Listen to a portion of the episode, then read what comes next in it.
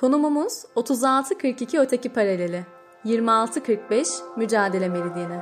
Yeryüzünde yaşayan tüm canlılar için ses olmaya geldik. Tüm ötekilerin sesi olmak için ve tüm ötekileştirmelerin karşısında durabilmek için buradayız. Biz ötekileriz ve her yerdeyiz. Öteki Podcast'te hoş geldiniz. Merhabalar değerli dinleyenler. Öteki Pod için hazırladığımız Agora'nın yeni bölümüne hoş geldiniz. Karşımda Esra var. Merhabalar Esra. Merhabalar Turan, nasılsın? İyiyim, teşekkür ederim. Sen nasılsın? Ben de iyiyim, teşekkürler. Ankara'nın havaları nasıl? Soğuk mu? Soğuk. Dün kar yağdı ama maalesef çok fazla tutmadı. Yani kar heyecanımız da yarım kaldı. Heyecanla bir sonraki kar yağışını bekliyoruz. Burada da aynı. Burada da biraz kar yağdı ama burada da tutmadı. En azından Türkiye'nin kuraklık problemi kısmen aşıldığı gibi ha şu anda yağmur ve kardan dolayı. E, bu ayın böyle geçeceği söyleniyor. O nedenle muhtemelen barajlardaki doluluk seviyesi artacaktır. Yani tek umudumuz o yoksa yazın bizi kötü günler bekliyor. Evet, iklim krizine, çevre krizine önem veren bir toplum olacağını ümit ederek e, giriş yapmak istiyorum. Geçen hafta Kesinlikle. geçen hafta e, Boğaziçi'ni konuştuk hatırlayacağın üzere. E, ve Barış Akademisyenlerinden bahsedecektik ama zaman kalmadı. E, bu hafta e, bahsedelim diyorum. Barış Akademisyenlerinden biraz konuşalım istiyorum. E, ama tabii bu ihraçlar, üniversiteden e, ihraçlar, akademisyen ihraçları önemli bir konu ama Türkiye'nin geçmiş tarihinde de sıklıkla ne yazık ki rastlanan bir problem. Özellikle e, 147'ler olayı diye bir e, utanç vesilesi utanç kaynağı var Türkiye tarihinde. Ekim 1960'ta Milli Birlik Komitesi denilen askeri junta 147 öğretim üyesini üniversiteden uzaklaştırdı. Aynı şimdi olduğu, bu süreçte olduğuna benzer olduğu gibi ya da 80 ihtilalinden sonra olduğu gibi. Ve çoğumuzun e, bildiği isimler, şu anda hala bildiği isimlerden bazılarıydı bu isimler. Mesela Ali Fuat Başkil, mesela İsmet Giritli, e, hatta Sıddık Sami Onar gibi e, ya da Turan Feyzioğlu gibi yetkin isimler e, ya da rektör ve öğretim üyeleri de görevinden istifa ettiler bu kararı bu kararı protesto etmek için. Hatta o dönemin bu bir yandan gülünç evet bir yandan da çok e, acı veren e, durumu olayı için de Haldun Tener'in e, Timsah isimli bir oyunu var. 147'lerin görevden alınmasını yazdığı e, Timsah adlı bir oyunu var. Dostoyevski'nin aynı adlı tamamlanmamış öyküsünden esinlenerek yazmış e, bunu. Daha sonradan da e, çok defa sahnelenmiş. Hatta 2008'de e, kitap olarak da basılmış. E, Timsah Haldun Tener'in eseri. Yani o günden bugüne ne değişti diye dönüp baktığımızda sadece herhalde bu kararı verenler değişti. E, demokrasinin alt üst edilmesi o gün de vardı, bugün de var. Akademinin hallaç pamuğu gibi bir hiç uğruna manasızca, temelsizce sarsılması o gün olduğu gibi bugün de var. Ama bugün başka bir olay var belki o güne e, dönüp baktığımızda gördüğümüz. Bugün başka bir dünyada yaşıyoruz. Bugün farklı bir toplumda yaşıyoruz. Ve bugün gerçekten o günden bakıp görülemeyecek kadar uzaktayız o günden. E, bu eksende 60'larda yaşanan, 70'lerde 70 muhtırasından sonra yaşanan, 71 muhtırasından sonra yaşanan, 80'lerden sonra yaşanan ihraçlar özelinde baktığımızda barış akademisyenlerini ilk olarak hangi konumda değerlendiriyorsun? Sence az önce saydığıma benzer ihraçlara eşdeğer mi? Yoksa daha farklı sebeplerden kaynaklanan bir durum söz konusu? Ne dersin bu konuda? Ee, az önce bahsettiğin 147 öğretim üyesinin üniversitelerden uzaklaştırılması vakası aslında Türkiye'nin ilk e, akademisyen ve akademik özgürlük üzerine tartışmalarının başladığı milat olarak düşünebiliriz. Hı hı. Ama burada iki vakayı birbirinden hatta birçok vakayı e, barış akademisyenlerinin ayıracak olan kriter belki de sonrasında yapılan yasal düzenlemeler. Çünkü e, 61'de ihraçlardan sonra mesela Milli Eğitim Bakanlığı'nın üniversite üzerindeki yetkileri kısıtlanıyor. Ya da 70'ten sonra e, 1750 sayılı bir üniversiteler kanunu yayınlanıyor. Ardından 80 darbesinde negatif bir etki olarak e, YÖK dediğimiz kurum ortaya çıkıyor, çıkarılıyor ve bu YÖK şu anda hala darbe anayasasından dolayı varlığını e, sürdürüyor. Belki buradaki e, vaka farkı hem sayı açısından e, farklı hem de daha sonrasında olan gelişmeler bağlamında farklı. Çünkü Barış Akademisyenleri vakasının e, geçtiğimiz hafta 5. E, yani bildirinin imzalandığı 5. yılı arkamızda bıraktık. Ama buna rağmen hala üniversite akademisyenler geri dönmedi. Haklarında açılan davaların çoğu beraatle sonuçlandı ama hala yurt dışında olan, yurt dışına çıkış yasağı olduğu için Türkiye'de kalmaya zorlanan, pasaportu iptal edilen, e, maalesef göreve dönemediği için hayatlarına devam edemeyen ve e, tırnak içerisinde sivil ölüme e, mahkum bırakılan pek çok akademisyen var. Buradaki sayı farkı gerçekten çok büyük bir uçurum. Çünkü 147 doğru. akademisyenden bahsederken burada 6 bini aşan bir akademisyen sayısı var. Yani toplumun yani akademisyen topluluğunun çok büyük bir kısmını aslında ilgilendiriyor bu mevzu. Bu açıdan tabii, da işte tabii lütfen burada, devam et. E, özür dileyerek böldüm lafını. Tabii burada lütfen. şunu da gözetmek lazım sanırım. O zamanki üniversite sayısıyla şimdiki üniversite sayısı aynı değil. O zamanki Tabii. üniversite mezunu sayısıyla bugünkü üniversite sayısı, e, üniversite mezunu sayısı da çok farklı. Ama e, her açıdan olduğu gibi bu dönem çok daha başka e, bir çığlığın yükselmesine sebep oldu. Sayı ne kadar artarsa e, uluslararası toplumdan da belki o kadar ses geliyor ilginç bir şekilde e, maalesef. Yani bu birçok şeye benziyor. İşte Çin, Doğu Türkistan'da ne kadar fazla insanın e, hakkına girerse, hakkını gasp ederse Doğu e, uluslararası toplumlardan da o seviyede bir ses geliyor. Ya da KHK ile e, ne kadar çok ihraç olursa o kadar çok ses geliyor. Buna benzer akademide de böyle bir problem var. Ama e, şunu söylemek istiyorum. E, bu barış akademisyenleri ihracına sebep olan, neden olan e, bildiri neydi? Okumak ister misin?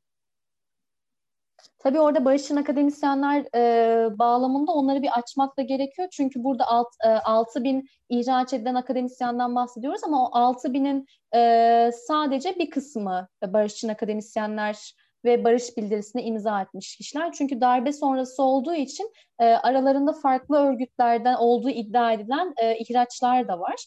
E, bu bağlamda aslında e, Barış'ın akademisyenler e, grubu sadece 2016'daki e, imza sürecini içermiyor. Aslında bu grup 2012'de e, Kürt e, barış inşa sürecinin başlaması, Kürt açılımının yapılmasına bir araya gelmiş akademisyenler.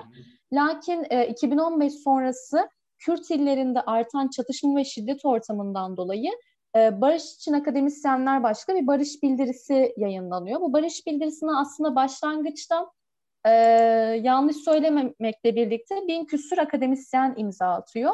Ama ardından e, gelen tepkilerden sonra e, bu akademisyen sayısı düşmüyor, aksine artıyor. Son olarak 2212 akademisyen bu bildiriye imza atıyor. Uluslararası toplamda, uluslararası toplumdan da herhalde destek var. Sadece evet, Türkiye'deki değil. öyle. Tabii kesinlikle öyle. Bizim hani akademide özellikle sosyal bilimlerden isimlerini bildiğimiz pek çok akademisyen bu bildiriye imza atıyorlar. Hı hı. Bundan dolayı zaten hem Türkiye gündeminde çok geniş bir yer kaplıyor hem de dünyadaki e, üniversitelerde çok büyük bir kitle oluşturuluyor. Ardından gelen e, ihraçlar da zaten o tepkinin e, artmasına sebep oluyor. Ama işte burada zaten e, sözü söyleyen e, önem e, arz ediyor diyebiliriz. Çünkü aslında akademisyenler bu imzayı atarken bu kadar geniş tepkiler alacaklarını ya da derin sonuçlarının olacağını düşünerek imzada bulunmadıklarını belirtiyorlar. Ama daha sonrasında o dönemin e, cum şey başbakanının e, açıklamalarının ardından maalesef süreç bambaşka bir boyuta taşınıyor. İşte barış isteyen akademisyenler gözaltına alıyor, tutuklanıyor, üniversitelerden atılıyorlar. Daha sonrasında devlet üniversitesinde olanlar ihraç ediliyorlar gibi pek çok e, süreç devam ediyor. İktidarı neden bu kadar kızdırdığına değinmek istiyorum. Ama e, istersen e, ben önümde duruyor çünkü şu anda bildiri. Okuyabilirim. Tabii. E, çünkü dinleyicilerimizin birçoğu haberdar olmayabilir bildirinin tamamından. e, bu suça ortak olmayacağız diye başlayan bir cümle var. Bu ülkenin akademisyen ve araştırmacıları olarak bu suça ortak olmayacağız. Türkiye Cumhuriyeti vatandaşlarını Sur'da, Silvan'da, Nusaybin'de, Cizre'de, Silopi'de ve daha pek çok yerde haftalarca süren sokağa çıkma yasakları altında fiilen açlığa ve susuzluğa mahkum etmekte. Yerleşim yerlerini ancak bir savaşta kullanılacak ağır silahlarla saldırarak yaşam hakkı, özgürlük ve güvenlik hakkı, işkence ve kötü muamele yasağı başta olmak üzere anayasa ve taraf olduğu uluslararası sözleşmeler ile koruma altına alınmış olan hemen tüm hak ve özgürlükleri ihlal etmektedir. Bu kasıtlı ve planlı kıyım Türkiye'nin kendi hukukunu ve Türkiye'nin taraf olduğu uluslararası anlaşmaların, uluslararası teamül hukukunun ve uluslararası hukukun emredici kurallarının da ağır bir ihlali niteliğindedir. Devletin başta Kürt halkı olmak üzere tüm bölge halklarına karşı gerçekleştirdiği katliam ve uyguladığı bilinçli sürgün politikasından derhal vazgeçmesini, sokağa çıkma yasaklarının kaldırılmasını, gerçekleşen insan hakları ihlallerinin sorumlularının tespit edilerek cezalandırılmasını, yasanın uygulandığı yerde yaşayan vatandaşların uğradığı maddi ve manevi zararların tespit edilerek tazmin edilmesini, bu amaçla ulusal ve uluslararası bağımsız gözlemcilerin yıkım bölgesinde, yıkım bölgelerinde giriş, gözlem ve raporlama yapmasına izin verilmesini talep ediyoruz. Müzakere koşullarının hazırlanmasını ve kalıcı bir barış için çözüm yollarının kurulmasını, hükümetin Kürt siyasi iradesinin taleplerini içeren bir yol haritası oluşturmasını talep ediyoruz. Müzakere görüşmelerinde toplumun geniş kesimlerinden bağımsız gözlemcilerin bulunmasını talep ediyor ve bu gözlemciler arasında gönüllü olarak yer almak istediğimizi beyan ediyoruz. Siyasi iktidarın muhalefete bastırmaya yönelik tüm yaptırımlarına karşı çıkıyoruz. Devletin vatandaşlarına uyguladığı şiddete hemen şimdi son vermesini talep ediyor bu ülkenin akademisyen ve araştırmacılar olarak sessiz kalıp bu katliamın suç ortağı olmayacağımızı beyan ediyor. Bu talebimiz yerine gelene kadar siyasi partiler, meclis ve uluslararası kamuoyu nezdinde temaslarımızı durmaksızın sürdüreceğimizi taahhüt ediyoruz demiş. Biz de altına imzamızı atarız.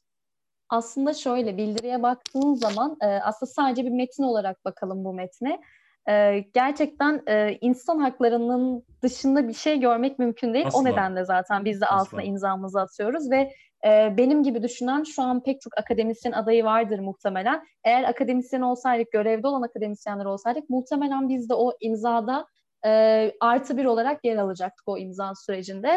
E, o nedenle hocalarımızın da arkasında olduğumuzu tekrardan belirtmemiz gerekiyor. Çünkü bu metinde e, ne kadar işte bu akademisyenler sözde akademisyenler olarak yaftalansa da terör propagandası yaptıkları e, düşünülse de ya da bu şekilde beyan edilse de bu metinde sadece durumun tespiti var. Ve halk olarak akademisyenler aynı zamanda bu topluluğun içerisindeki vatandaşlar ve burada e, akademisyen kimliklerinin ötesinde bir insan kimliğine taleplerde bulunuyorlar ve sadece barış istediklerini belirtiyorlar. Ama maalesef Türkiye'de barış istemek suç haline getirildiği için bir güvenlikleştirmenin arttırılması söz konusu olduğu için bu bildiriye imza atan akademisyenler hedef gösteriliyor, işaret ediliyorlar. Ya bu süreçte zaten ilk başta bu e, hedef göstermelerle başladı. Uluslararası toplumdan da Türkiye'deki akademik baskıya, akademiye uygulanan daha doğru ifadeyle akademiye uygulanan bu baskıya 2019'dan bu yana çeşitli sesler çıktı. Ee, bu suça ortak olmayacağız bildirisine imza atan akademisyenlere yönelik baskılar sürekli eleştirildi. Ve Avrupa Birliği hatta her zaman yaptığı gibi diyebilirim Türkiye'deki akademik, akademik özgürlüğün nasıl yok edilmeye çalışıldığını kaygıyla izlediklerini söyledi. Bu kaygıdan ileri gitmiyor ne yazık ki Avrupa Birliği'nin e, bu konudaki yaptırımları e, ifade özgürlüğü demokratik toplumların temel prensiplerinden biridir ve bundan dolayı da özellikle akademisyenlerin bu tarz açıklamalarının insan hakları dahilinde, insan hakları çerçevesinde yaptıkları bu tarz açıklamaların bir sebep gösterilerek ihraç edilmelerini kabul etmemiz, kabul edilmesi mümkün değil. Öte taraftan başka bir e, uluslararası sivil toplum kuruluşundan örnek vermek istiyorum. Risk altındaki akademisyenler yayınladığı bir raporda e, dünyada akademik özgürlüğü korumak için uluslararası toplumu harekete geçirmeye çağırdı ve bu konuda da e, iktidarın, Türkiye'deki iktidarın üniversitelerde tek söz tek söz sahibi haline geldiğini, istediği şekilde rektör atayabildiğini, bundan dolayı da Türkiye'deki akademik özgürlükle ilgili endişeler oluştuğunu ve bu endişelerini Ankara'ya iletmek istediklerini beyan ettiler. Ki zaten raporda akademik dünyanın en fazla tehlike altında olduğu ülkeler arasında Türkiye Afganistan, Yemen, Güney Afrika, Hong Kong ve Çin'le e, yan yana e, ifade edildi. Önemli bir tespit, önemli bir durum. Türkiye için büyük bir sıkıntı. Senin de verdiğin sayılar açısından baktığımızda nicel olarak da, nitel olarak da yani nitelik olarak da büyük bir sıkıntı. E, çünkü bu insanların akademik istihdam ve sivil hizmetten ömür boyu yasaklanması, pasaportunun kararname ile pasaportlarından edilmeleri, e, geçim kaynaklarını özellikle kaybetmeleri, kariyerlerini yitirmeleri, hayata yeniden başlama yeteneklerinin alt üst edilmesi e, çok açık ifadeyle bir sivil soykırım, bir sivil ölüm olarak kabul edilebilir. Açıkça söylemek e, gerekirse. Tabii bu noktada zaten senin de söylediğin gibi sivil ölüme mahkum edildiler ve şunlar söylendi haklarında. İçimizdeki düşmanlar, işte ağaç kökü yesinler, devletin nimetlerinden faydalanmasınlar. Hatta bir mafya lideri e, çıkıp da oluk oluk kanlarını akıtacağız dedi ve bu e, mafya lideri daha sonrası siyasilerle yan yana geldi. Hatta onlara e, neredeyse danışmanlık yapabilecek söylemlerde bulundu. O evet. nedenle biraz da bu bildiriden sonra neler yaşandığına da bakmak gerekiyor sanırım. Yani bildiri 2016'da imzalanıyor ama etkisi hala sürüyor. Dediğim evet. gibi e, beraatle sonuçlanan davalar var ama daha yeni yeni e, pasaportlar geri veriliyor. Hatta e, ihraçlar 2016'da da başlamıştı ama en yıkıcı olan ihraç hatta bu da e, akadem, akademisyenlerin içinde bir bölünmeye sebep olacak şekilde siyasalda e, Ankara Üniversitesi Siyasal Bilimler Fakültesinde olan e, ihraçlardı. Çünkü oradaki ya pek çok siyaset bilimcinin e, temel aldığı hocalar üniversitelerden ihraç edildiler ve 2016 2017'nin de üzerinden 4 yıl geçti. Hocalar hala üniversiteye, kampüslere geri dönemediler. Çünkü e, medya buna çok e, olanak sağladı. Aynı zamanda iktidarın söylemleri buna çok olanak sağladı. Ya yani özellikle baktığın zaman yani mesela önümdeki şeylere bakıyorum, gazete haberlerine bakıyorum o günlere dair. Yani mesela Yeni Şafak gazetesi PKK'nın suç ortakları manşetiyle çıkıyor o gün. Daha Hedef sonrasındaki göstermiş. Açıkçası. Kesinlikle öyle. Hedef gösteriyor. Bir nefret suçu işliyor aslına bakarsan. Aslında, evet. Nefret söylemini besliyor. Mesela küçük şehirlerde yaşayan akademisyenler ilk günden itibaren yerel basının odağı haline geliyor, geliniyor. İşte isimleri açık bir şekilde belirtiliyor fotoğrafları açık bir şekilde belirtiliyor ve bu şehirlerde e, hayatlarını sürdüren hocalar can güvenliği tehlikesi yaşıyorlar. Üniversitelerdeki, kampüslerdeki odalarına gelip çarpı işaretleri konuluyor. Biz bunları nereden biliyoruz? İşte Alevilere, Kürtlere yapılan soykırımlardan biliyoruz bu işaretlemeleri. Ama işte bunu e, daha da sistematik hale getiriyorlar. Sosyal medyayı kullanıyorlar, internet medyasını kullanıyorlar. Hatta bu akademisyenlerin özelliğini sağlaması gereken Yüksek Öğretim Kurulu Genel Kurulu bir basın açıklaması yayınlıyor ve diyor ki terör destekçiliği hiçbir şekilde hafife alınamaz. Yoktan ve bunun hukuk çerçevesinde tabii ki yoktan bahsediyoruz. Hukuk çerçevesinde gereğinin yapılacağını söylüyor. Rektörlerle bu konuyu görüşmek üzere acil bir toplantı düzenliyor. Ee, ve bunun e, tırnak içerisinde akademik özgürlüğüne bağdaşamayacağını söylüyor. Ya bir ifade yani biz zaten bu bildiri ilk çıktığından beri en çok tartışılan konulara baktığımızda şunu görüyoruz bu metin bir ifade özgürlüğü müdür, bir akademik özgürlük meselesi midir? Aslında ikisi bir aradadır ve ikisi de korunması gereken özgürlükler. Ama bu bağlamda baktığın zaman bu YÖK'e davet edilen rektörler kendi isim listelerini tek tek hazırlayıp tekrar YÖK'e sunup belki bunu saraya sunup o akademisyenlerin ihracına yol açıyor. Biz şimdi mesela geçen hafta Boğaz içinde atanan rektör Melih Bulu'dan bahsettik. Ama ondan öncesinde mesela bizim en çok bahsettiğimiz rektör kimdi? Ankara Üniversitesi re- e, rektörü Erkan İbiş'ti. Yani İbiş rektör o kadar çok e, hak ihlaline yol, yol açtı ki pek çok akademisyenle ihraç etmekle beraber ihraç edilen akademisyenlerin üzerine sistematik bir şekilde şiddet uygulamaya devam etti. Üniversiteye öğrenci olarak almadı, e, bütün lisanslarını iptal ettirdi vesaire, vesaire pek çok şey. Yani aslında e, biz şimdi belki konuşurken daha rahat bir şekilde konuşuyoruz ama o akademisyenler yani ailelerinden tutun da kendi bireysel yaşantılarında pek çok ihlalle, zorlukla yüzleşmek durumunda kaldı. Yani sen böyle anlatınca e, şöyle demek istiyorum. Bu bir yok sayma değil. Yok saymak da çok büyük bir fecaat, vahşet ama bu yok etmek aslında daha ötesinde bir şey. Ee, öte taraftan tekrar dönüp bakıyorum e, 60'lara, 70'lere, 80'lere bir tarihçi gözüyle. Bugün uygulananın hiçbiri Türkiye tarihinde, Türkiye Cumhuriyeti tarihinde uygulanmadı. Bunu açıkça söylemek lazım. E, çok net bir e, gerçek bu maalesef. Bunca akademisyenin, bu sayıda insanın, e, bu akademik kariyerlere sahip insanların çok barışçıl bir şekilde sadece içindekileri, düşüncelerini, fikirlerini ifade ettikleri için e, ve bir bildiri imza attıkları için adeta bir teröristmiş gibi muamele görmeleri gerçekten kabul edilebilir gibi değil. Zira Bu insanlar e, aynı şeyi geçen hafta da söylemiştik Boğaziçi'ndeki genç e, üniversite öğrencileri için de. Bu insanlar ne yaptı Allah aşkına? Düşüncelerini dile getirdiler. Başka ne yaptılar?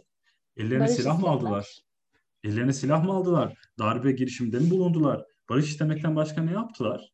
Yani bugün eskiden çocukken gülerdik. E, birçok insan e, çocukken buna gülerdi. Şimdi birçok insan bunu yapıyor ne yazık ki.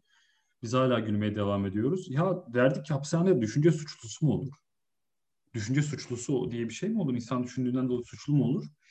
Yani gerçekten e, bu değişmeyen bir alın yazısı gibi Türkiye toplumunun üstünde maalesef e, mafyalar kadar değer görmeyen, yıllarını akademiye vermiş insanların böyle fütursuzca bir şekilde ihraç edilmesi, yokluğa mahkum edilmesi kabul edilebilir bir şey değil.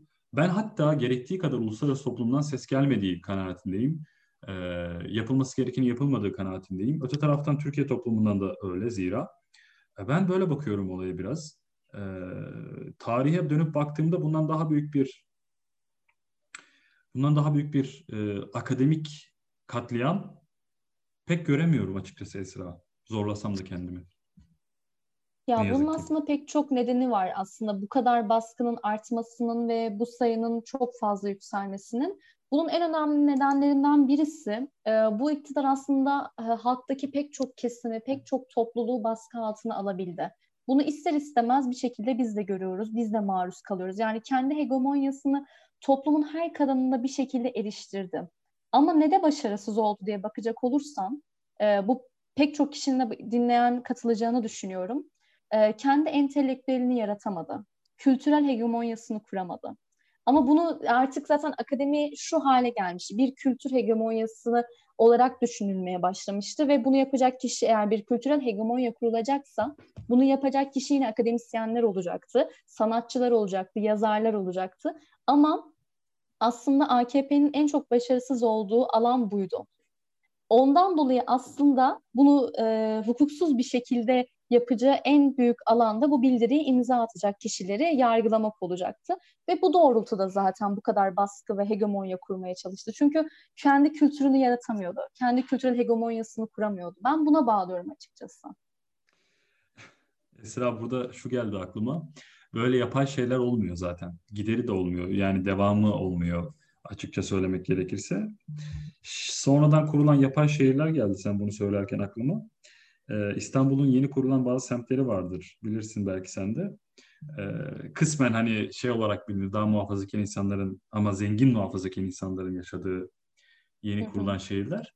Ben İstanbul'dayken o şehirler bana çok yapay gelirdi. Böyle hani Sultanahmet'in ya da Eminönü'nün ya da işte Üsküdar'ın, Kadıköy'ün o kendiliğinden var olan e, içine çeken cezbedici, cazibeli kültürü yok oralarda. Yapay binalar, altında sıralanmış yapay e, çarşılar, dükkanlar. Gideri yok o şehirlerin kimse e, nazarında bence.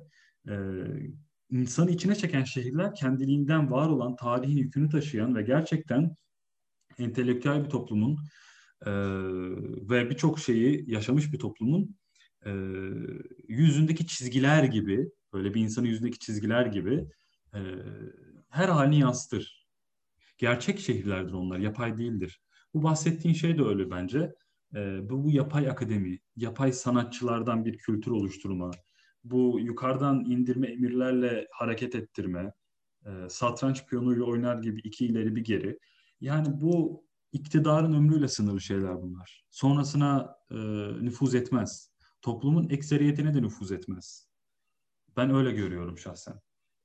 Biz Toplum... kent sosyolojisinde buna gentrification diyoruz, soylulaştırma diyoruz.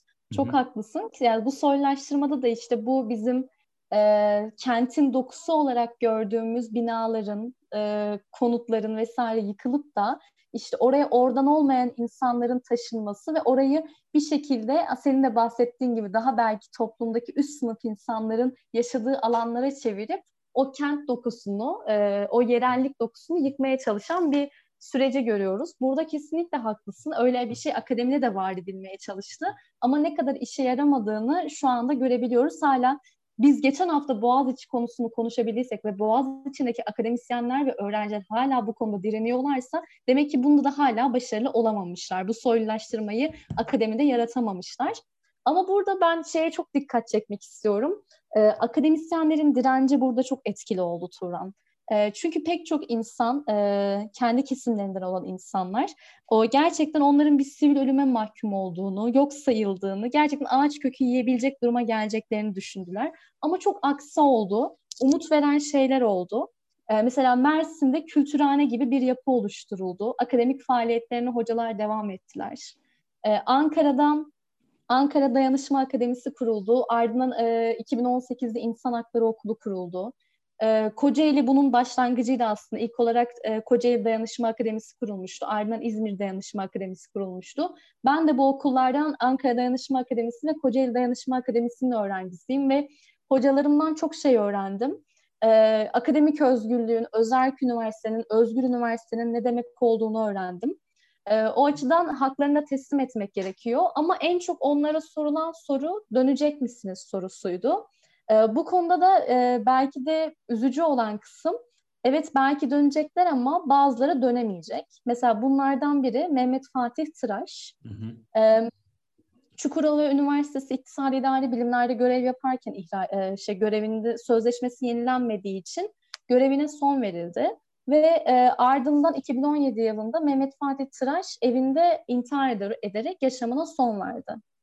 Ya belki hocalarımız geri dönecek ama mesela Mehmet Fatih Tıraş Hoca hiçbir zaman geri dönemeyecek.